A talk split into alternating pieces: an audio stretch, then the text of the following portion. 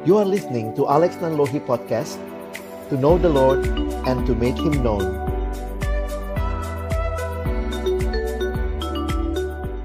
Syukur pada pagi hari yang indah ini karena sungguh atas anugerah Tuhanlah kami boleh sekali lagi bersekutu, memuji memuliakan namamu dan juga mendengarkan kebenaran firman-Mu.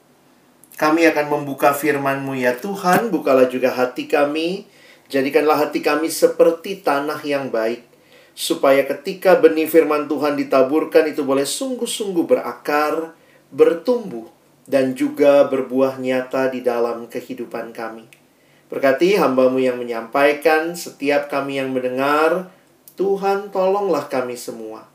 Agar kami bukan hanya menjadi pendengar-pendengar firman yang setia, tapi mampukan kami dengan kuasa dari rohmu yang kudus, kami dimampukan menjadi pelaku-pelaku firman-Mu di dalam kehidupan kami, di dalam masa muda kami. Bersabdalah ya Tuhan, kami anak-anakmu sedia mendengarnya. Dalam satu nama yang kudus, nama yang berkuasa, nama Tuhan kami Yesus Kristus, kami menyerahkan pemberitaan firman-Mu. Amin. Shalom, selamat pagi Bapak, Ibu Guru, dan juga adik-adik yang saya kasihi dalam Tuhan Yesus Kristus.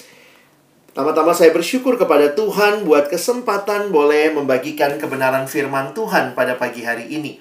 Nah, kita bersama-sama di dalam kesempatan ini akan merenungkan tema Thou shall love the Lord and thy nation. Wah, ini menarik sekali melihat bagaimana kecintaan kepada Tuhan dikaitkan juga dengan kecintaan kita kepada bangsa di mana Tuhan menempatkan kita. Ayat firman Tuhan yang akan melandasi perenungan kita diambil di dalam Efesus pasalnya yang kedua. Ya, Efesus pasal yang kedua, kita akan melihat di dalam ayat yang ke-10. Saya bacakan bagi kita Efesus 2 ayat yang ke-10. Karena kita ini buatan Allah, diciptakan dalam Kristus Yesus untuk melakukan pekerjaan baik yang dipersiapkan Allah sebelumnya. Ia mau supaya kita hidup di dalamnya. Teman-teman yang dikasihi dalam Tuhan Yesus Kristus, bagian firman Tuhan yang kita baru saja baca ini merupakan apa yang Paulus sampaikan ketika dia melihat kembali bagaimana anugerah Tuhan yang sudah dialami oleh orang-orang yang percaya kepada Yesus. Dulunya kita mati di dalam dosa, tetapi sekarang kita boleh hidup di dalam Kristus dan hidup di dalam Kristus di dalam hidup yang baru ada rencana Tuhan yang indah bagi kita. Karena itu Paulus mengingatkan ada pekerjaan baik yang Tuhan sudah siapkan bagi setiap kita yang hidup di dalam Dia. Penghayatan ini menolong kita boleh merenungkan bahwa hidup kita ini bukanlah tanpa tujuan. Kalau ada Allah yang menciptakan kita, Allah yang menebus kita ketika kita jatuh ke dalam dosa, maka Allah yang mencipta, Allah yang menebus, Dia juga Allah yang punya rencana yang indah bagi kehidupan kita. Ada yang Dia siapkan bagi kita, dan itulah yang mau kita sama-sama lihat bagaimana di dalam kita menjalani hari-hari hidup kita. Biarlah kita menjalaninya di dalam ketaatan kepada Allah yang punya rencana yang indah dalam hidup kita. Termasuk ketika kita hadir lahir di bangsa Indonesia. Teman-teman, kalau menyadari tidak ada hal yang kebetulan dan ada rencana Allah di balik semuanya itu, maka sadarilah bahwa Allah punya rencana waktu menciptakan kita dan Allah juga punya rencana bagi kita ketika Dia menciptakan kita ada di bangsa Indonesia. Dulu Kak Alex mikir gitu ya, kenapa ya Tuhan harus ciptakan kita dari berbagai bangsa? Thank God I am Indonesian, but still Tuhan juga menciptakan bangsa-bangsa yang lain. Sampai saya menemukan atau melihat apa yang disampaikan dalam khotbah Paulus di kisah Rasul 17. Ketika kisah Rasul 17 ayat 26, perhatikan ayatnya. Dari satu orang saja, ia atau Allah telah menjadikan semua bangsa dan umat manusia untuk mendiami seluruh muka bumi dan ia telah menentukan musim-musim bagi mereka dan batas-batas kediaman mereka. Perhatikan ayat ini baik-baik. Allah yang menciptakan dunia, Allah yang juga punya rencana menciptakan bangsa-bangsa. Allah kita adalah Allah yang menyukai keberagaman. Sehingga dia pun yang memberikan berbagai bangsa hadir dalam dunia ini dan ada rencana Tuhan yang indah bagi setiap bangsa kalau kita perhatikan dan kalau kita melihat visi akhir zaman bahwa Tuhan pun akan mengumpulkan semua manusia dari berbagai suku, kaum, bahasa, dan bangsa berkumpul di hadapan takhta anak domba. Ini gambaran keindahan. Di dalam Kristus kita melihat keberagaman, bukan keseragaman. Dan ini yang kalau kita perhatikan, ternyata kalau Tuhan hadirkan kita di Indonesia, kita lahir di bangsa ini, mungkin ada juga nggak lahir di sini ya, ada yang mungkin lahir di luar negeri. Tapi sekarang kamu ada di Indonesia, kamu belajar di Indonesia, kamu studi di bangsa ini. Maka mari kita belajar melihat ada rencana Tuhan yang Tuhan rindukan melalui kehadiran kita di bangsa ini. Apakah kita bisa menghayati bahwa kita mencintai Indonesia? Aku cinta Indonesia. Ketika Kak Alex coba merenungkan, melihat kembali dalam sejarah perjalanan bangsa ini, saya menemukan hal yang menarik dikaitkan dengan kehidupan orang percaya. Orang-orang yang percaya pada Kristus juga termasuk di dalam membangun bangsa ini dan mendirikan bangsa ini, kalau boleh pakai istilah seperti itu. Teman-teman, pergilah ke Taman Makam Pahlawan kalian akan melihat yang namanya pahlawan di sana pusaranya bukan hanya dari satu agama. Di sana juga ada salib. Berarti juga ada orang-orang yang Tuhan pakai juga di tengah bangsa ini memperjuangkan kemerdekaan bangsa ini, termasuk waktu mendirikan bangsa ini. Ada banyak nama yang bisa kita sebutkan, mungkin kalau kita belajar PPKN, kita belajar sejarah bangsa ini, bagaimana uh, persiapan kemerdekaan. Kita bertemu dengan beberapa nama yang kita bisa langsung sense, wah, ini anak Tuhan. Ya, nanti Kak Alex akan tunjukkan beberapa nama. Tapi nama berikut ini bagi saya juga sangat berkesan kalau kalian coba melihat sepak terjangnya. Nanti kalian bisa cari, bisa googling, belajar lebih jauh tentang Dr. Yohanes Leimena. Dia pada dasarnya adalah seorang dokter medis, tetapi kemudian dia terlibat juga memimpin pergerakan waktu itu dia sebagai uh, salah satu wakil di dalam Sumpah Pemuda tahun 1928, seorang yang mewakili Yong Ambon. Ada kalimat yang dia sampaikan yang bagi saya menarik, melihat bagaimana Lemena ini menghayati kekristenannya dan kebangsaannya. Kalimat yang dia katakan dalam hal kecintaan kepada tanah air, orang Kristen tidaklah boleh kurang atau tidak boleh kurang lah, malahan harus lebih tinggi dan menjadi teladan bagi warga negara lainnya. Waktu Kalex renungkan kalimat ini, bagaimana dia mengkaitkan cinta kepada bangsa itu terkait dengan kehadiran kita sebagai orang percaya, orang Kristen orang-orang yang mencintai Tuhan. Dan lihat, ada sederetan nama. Lihat slide berikut ini. Ini adalah pengikut Kristus untuk Indonesia. Dalam satu infografis saya menemukan nama-nama ini adalah orang-orang Kristen yang ada dan ikut mendirikan bangsa ini. Jadi kalau kita belajar sejarah kita pun akan melihat bahwa yang ikut mendirikan bangsa ini, yang ikut berpikir, berjuang untuk bangsa ini bukan hanya dari satu agama ada Dr. Yohanes Lemena. Teman-teman bisa lihat di slide. Ada Alexander Yakopati, ada juga Bapak Yohanes Latu Harhari, lalu kemudian ada Sam Ratulangi, kita sering kali dengarnya mungkin kayak sekarang kita taunya itu nama jalan ya. Tapi itu adalah orang Kristen, tokoh yang juga pada waktu itu ada di dalam pergerakan kemerdekaan bangsa kita. Belum lagi nama-nama lain, Thomas Nayawan, Todung Sultan Gunung Mulia, Amir Syarifuddin, Ari Lasut, Tahi Bonar Simatupang, itu kita tahunya jadi nama jalan TB Simatupang. Ada John Lee, ya, seorang yang juga berjuang. Ada Franz dan Alex Mendur, Walter Mongin Sidi, dan banyak nama lain yang waktu kita renungkan, ini adalah anak-anak Tuhan di bangsa ini. Bagaimana kita mengkaitkan cinta kita kepada Tuhan dengan cinta kepada bangsa ini? Nah, saya ajak kita coba lihat satu ayat yang akan kita baca dari Matius 22. Ketika seorang ahli hukum datang dan bertanya pada Yesus, hukum manakah yang terutama? Mari kita lihat jawaban Yesus dalam Matius 22 ayat 37 sampai 39. Kita perhatikan ya.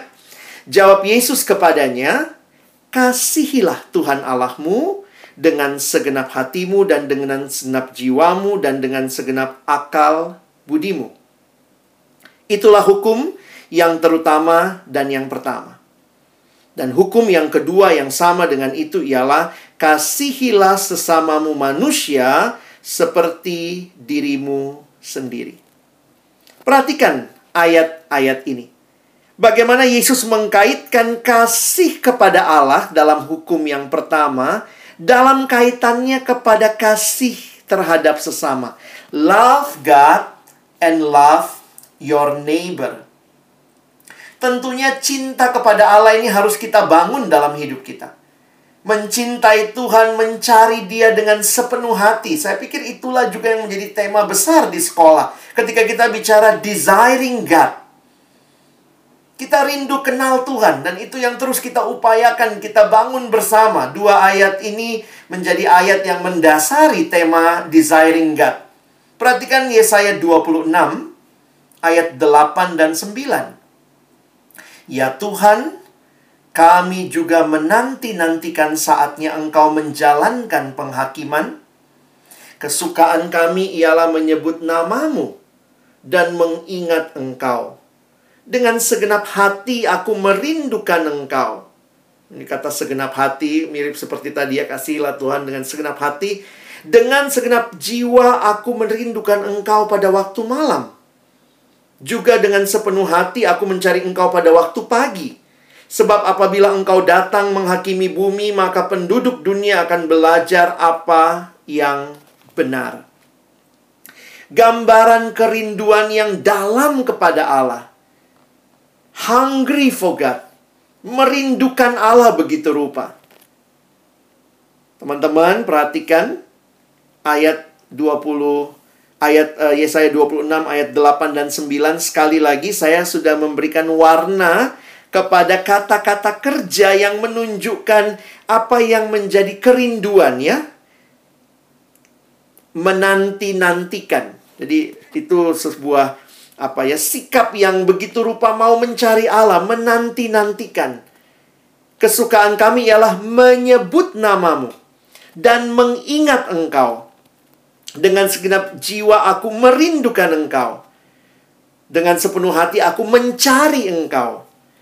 Jadi teman-teman yang dikasihi Tuhan, perhatikan bahwa sebenarnya kasih kepada Tuhan itu harusnya terus menjadi kerinduan kehidupan kita hari demi hari. Dalam bagian ini dikatakan pada waktu malam, merindukan pada waktu pagi, mencari. Nah ini gambaran yang indah sekali dari kehidupan yang bersekutu dengan Tuhan. Tapi kalau kita kembali ke ayat yang Tuhan Yesus katakan, kasihilah Tuhan Allahmu, itu nggak berhenti di situ bagaimana itu mengalir menjadi kasih kepada sesama. Nah, kita bisa lihat hubungan ini di dalam penjelasan yang diberikan oleh Rasul Yohanes di dalam suratnya. Perhatikan 1 Yohanes 4 1 Yohanes 4 ayat 10 dan ayat yang ke-11. Ayo, Kak Alex ajak kita perhatikan ayat ini, saya akan bacakan bagi kita. Inilah kasih itu, Bukan kita yang telah mengasihi Allah, tetapi Allah yang telah mengasihi kita dan yang telah mengutus anaknya sebagai pendamaian bagi dosa-dosa kita. Nah, perhatikan ayat 11. Saudara-saudaraku yang kekasih, jikalau Allah sedemikian mengasihi kita, maka haruslah juga kita saling mengasihi.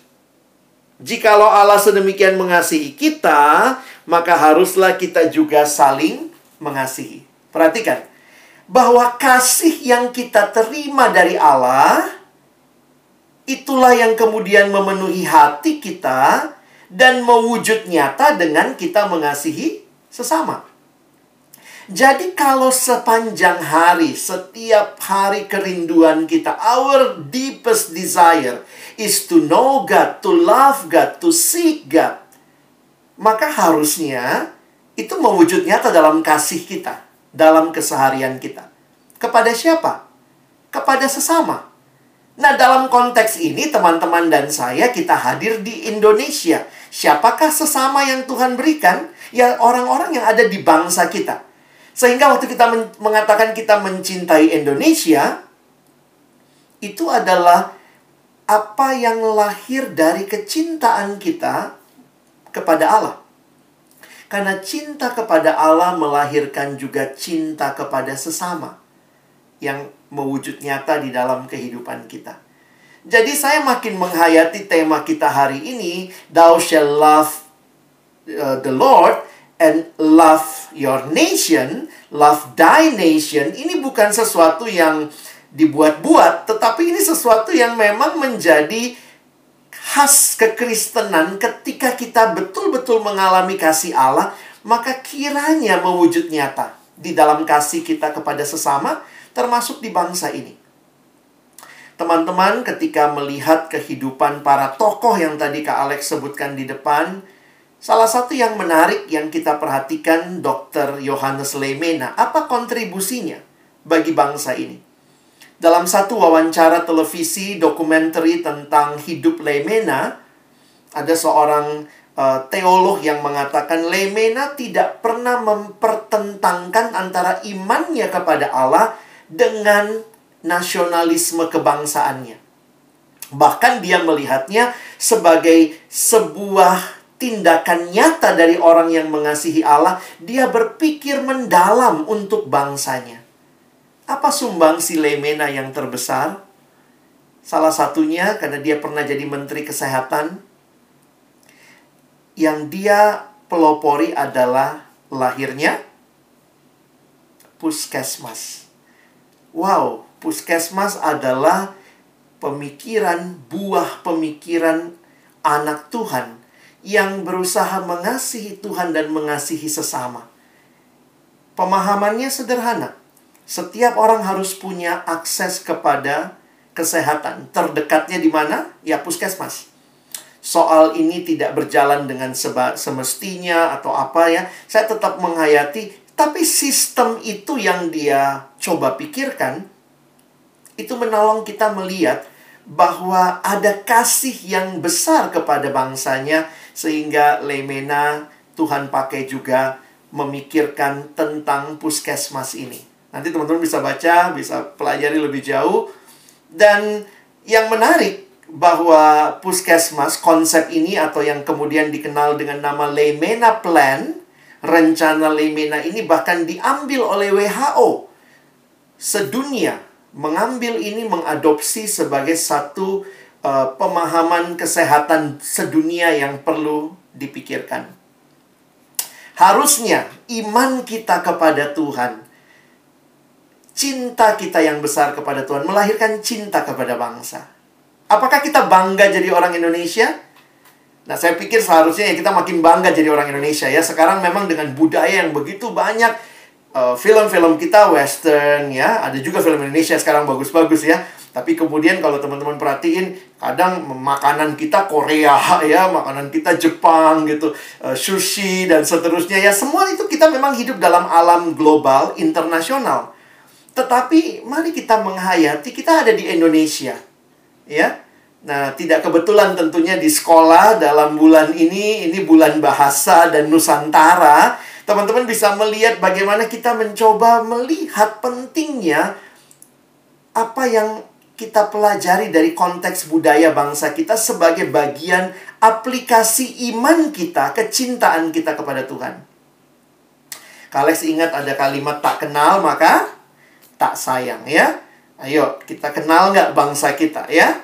Coba nih lihat baju-baju daerah gitu ya. Kadang kita juga nebak ini dari mana ya. Kemarin aja masalah baju daerah di uang 75 ribu aja jadi jadi wacana inter, wacana nasional gitu ya. Karena ternyata banyak yang nggak tahu itu dari Kalimantan dan seterusnya. Belum lagi makanan daerah, teman-teman bisa lihat nih. Ada yang tahu nama-namanya? Mungkin paling tahu yang paling depan tuh tahu gitu ya. Ayam, ayam goreng gitu ya. Nah, coba lihat lagi nih gambar berikutnya. Apa nih? Kue apa ini? Kadang-kadang kita juga bingung ya, saking banyaknya jenis kue di Nusantara ini. Bayangkan, Indonesia tuh begitu luas. Belum lagi rumah adatnya. Teman-teman bisa lihat rumah adat dengan berbagai kearifan lokal. Nanti kalau kita perhatikan ada rumah adat yang nggak ada pakunya tuh teman-teman. Jadi benar-benar semua disusun begitu rupa. Dan ini kearifan lokal yang mungkin tidak ditemukan dalam arsitektur modern. Yang pakai paku, pakai semen, dan seterusnya ya. Tapi menarik untuk melihat bahwa ini keberagaman yang Tuhan berikan. Jadi keindahan di Indonesia. Pertanyaannya, apakah kita kenal budaya kita? Apakah kita menggalinya, kita mempelajarinya? Belum lagi bicara bahasa daerah. Teman-teman bisa lihat ya, berbagai macam bahasa daerah. Bisa lihat di infografis berikut. Ada kekayaan Indonesia dengan bahasa daerah. Di berbagai daerah itu begitu banyak jenis bahasa yang waktu saya perhatikan nih ya ya ini mau menunjukkan bahwa kita tuh tidak tidak sama. Dan siapa yang menciptakan itu? Balik lagi ke ayat tadi ya.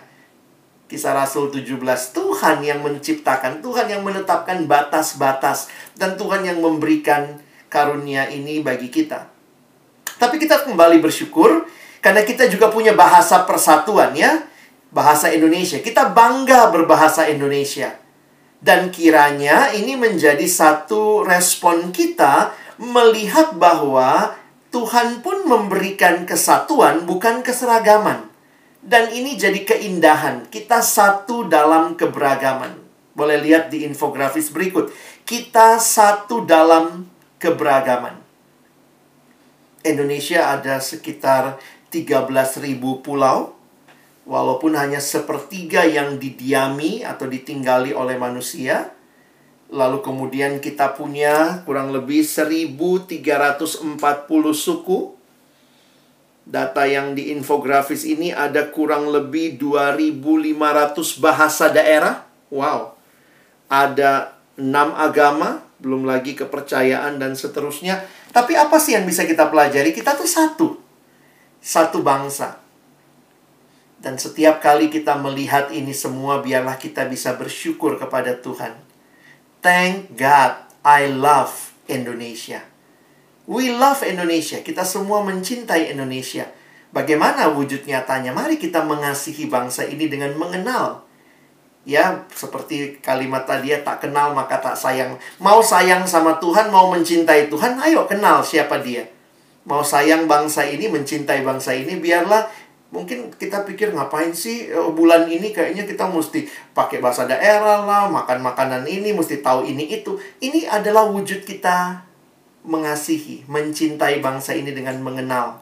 Mungkin kita nggak bisa kenal semua, terlalu banyak teman-teman, tapi paling tidak ada hal-hal yang bisa teman-teman pikirkan. Mungkin beberapa dari kalian nanti satu waktu jadi pengusaha, melanjutkan usaha papa mama, memikirkan Indonesia, bagaimana mungkin bisa mengemas makanan-makanan Indonesia dengan dijual lebih baik, melihat kain-kain yang ada di bangsa kita yang bisa dibuat baju dengan lebih baik. Saya pikir mari pupuk cinta kepada bangsa sejak kamu ada di sekolah. Thou shall love the Lord and thy nation. Biarlah sungguh mewujud nyata kasih kepada Allah di dalam kita mengasihi bangsa ini. Mari juga terus doakan bangsa ini di dalam berbagai pergumulan. Biarlah kita bawa kepada Tuhan yang juga sangat mengasihi bangsa ini. Kiranya Tuhan menolong kita. Bukan cuma jadi pendengar firman, tapi jadi pelaku-pelaku firman. Amin. Mari kita berdoa. Bapa di dalam surga, terima kasih banyak untuk kebenaran firman-Mu yang menuntun kami melihat kepadamu, dan kemudian kami pun ditolong melihat ke bangsa kami. Bangsa yang besar, dengan begitu banyak ragam budaya yang Tuhan karuniakan. Tolong kami, bukan cuma numpang lewat, numpang lahir di bangsa ini, tapi terus berpikir melalui bangsa yang besar yang makin kami kenal hari demi hari. Apa yang Tuhan rencanakan bagi setiap kami. Tuhan, kami sangat percaya bahwa Engkau punya rencana yang indah dan karena itu tolong kami juga belajar taat kepadamu, belajar mengenal hal-hal indah yang sudah Tuhan karuniakan supaya pada waktunya nanti juga Tuhan akan memakai semua itu untuk mendatangkan kemuliaan bagimu dan juga kebaikan bagi banyak orang. Sekali lagi terima kasih karena kami boleh bersama-sama belajar firman-Mu pagi ini. Tolong kami semakin mencintai Tuhan, semakin mencintai bangsa ini, dan semakin akhirnya membawa bangsa ini pun memuliakan Engkau. Terima kasih. Kami bersyukur untuk firman-Mu. Tolong kami. Sekali lagi bukan cuma jadi pendengar. Tapi kami mau jadi pelaku-pelaku firman-Mu dalam hidup kami. Di dalam nama Tuhan Yesus Kristus yang mengasihi kami, mengasihi Indonesia. Kami berdoa, kami bersyukur. Amin.